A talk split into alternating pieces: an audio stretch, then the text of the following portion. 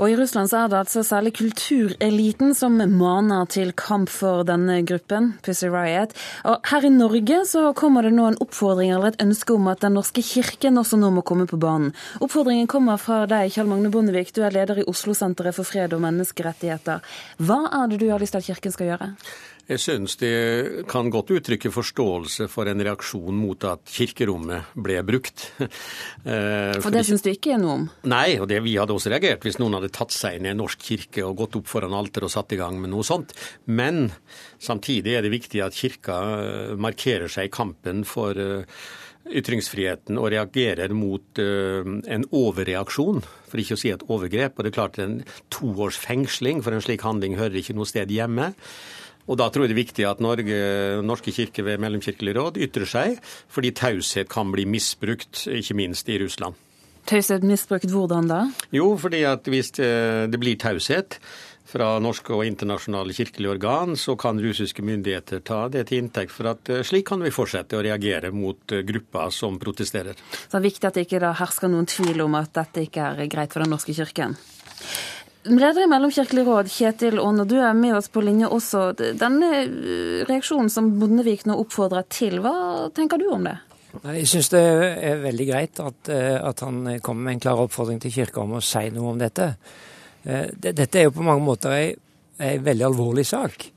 Og det alvorlige i han er at vi står overfor en situasjon der, der myndighetene altså bruker rettsapparatet for å hindre skal vi si, eh, politiske og andre kulturelle uttrykk som en misliker. Eh, og det, det, er der alvoret er. Og Samtidig er det jo en veldig pussig sak, for å bruke et lite ordspill her. fordi at det er jo, et, eh, det er, det er jo en, en, en, en, bruker en uttrykksform som en ikke akkurat liker, men som mange ikke akkurat er komfortable med, og liker mange med i kirkelig sammenheng. Men nettopp derfor blir det viktig at vi i kirka ikke bare forholde oss taust når det skjer denne typen ting, men vise veldig klart at vi kjemper for eh, retten eh, til å uttrykke seg, også når en velger å uttrykke seg med, på måter en ikke akkurat liker eller føler seg komfortabel med, og har et klart budskap som er kritisk. og bare for å ta det med en gang, hva synes du om måten Pussy Riot har opptrådt på? Eh, Altså, Det er jo ikke akkurat min form, men jeg, jeg, reagerer jo også på at de tar seg til rette. Men, men, men eh, da må en bruke tilsvarende virkemidler når de tar seg til rette ved, ved, å bruke et kirkerom, og ikke bruke rettsapparat og straff. Å kalle det religiøst hat er jo helt misforstått. De har jo sjøl skrevet en artikkel der de har bedt om unnskyldning i forhold til de som eh, eh, måtte føle seg krenka av dette. Men, men kirkas utfordring er at eh, vi må vise ansikt.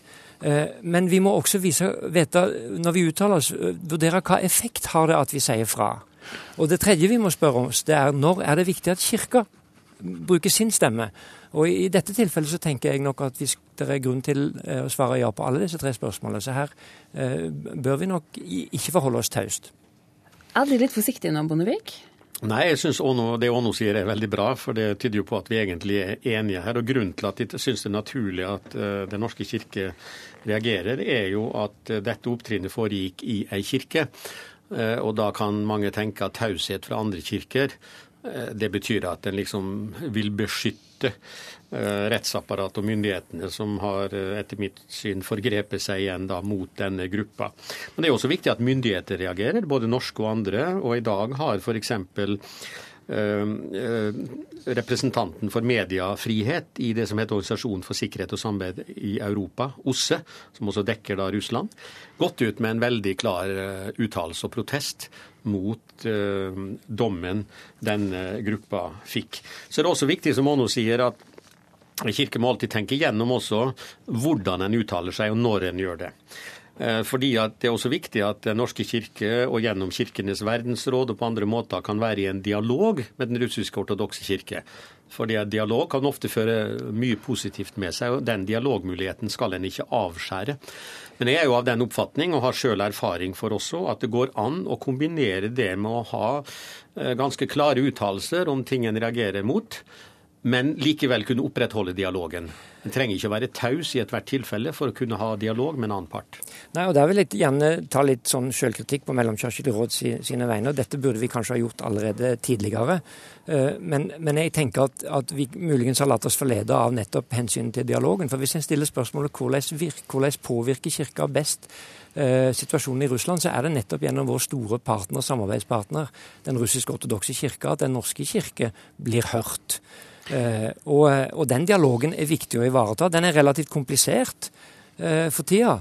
Eh, men nettopp derfor så tror jeg at Kjell Magne Bondevik har helt rett i at vi må, vi må, våge å vise hva vi faktisk står for. Våge å vise hva dere faktisk står for. Hvordan da? Nei, Det må være med å komme med en uttalelse. Det er det første. Det andre er at neste uke skal iallfall jeg møte representanter for den russisk-ortodokse kirka i sentralkomiteen for, det, for Kirkenes verdensråd. Eh, og, og, det vil være naturlig at det blir tatt opp også i de foraene der. Eh, og, og, det er kanskje en like viktig kanal.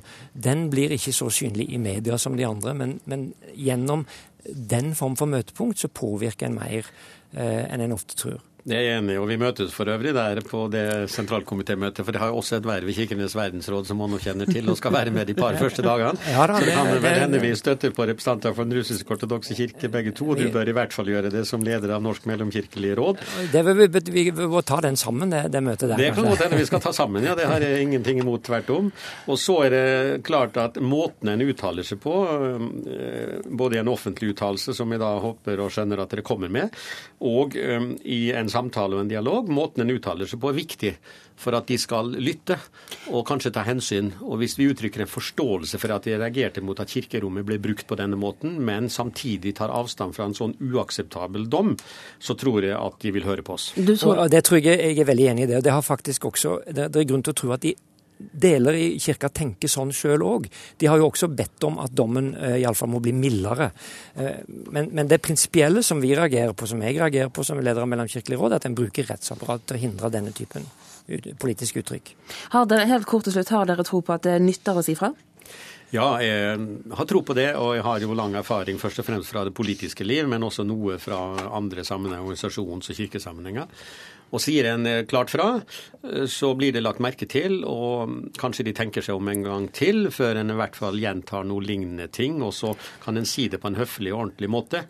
Da blir en lytta til. Og, sam, og, sam, og samtidig så er tidshorisonten i kirkelig sammenheng ofte noe lenger enn i media. Kjell Magne Bondevik og Kjetil Åndom, takk for at dere var med oss her i Kulturnytt.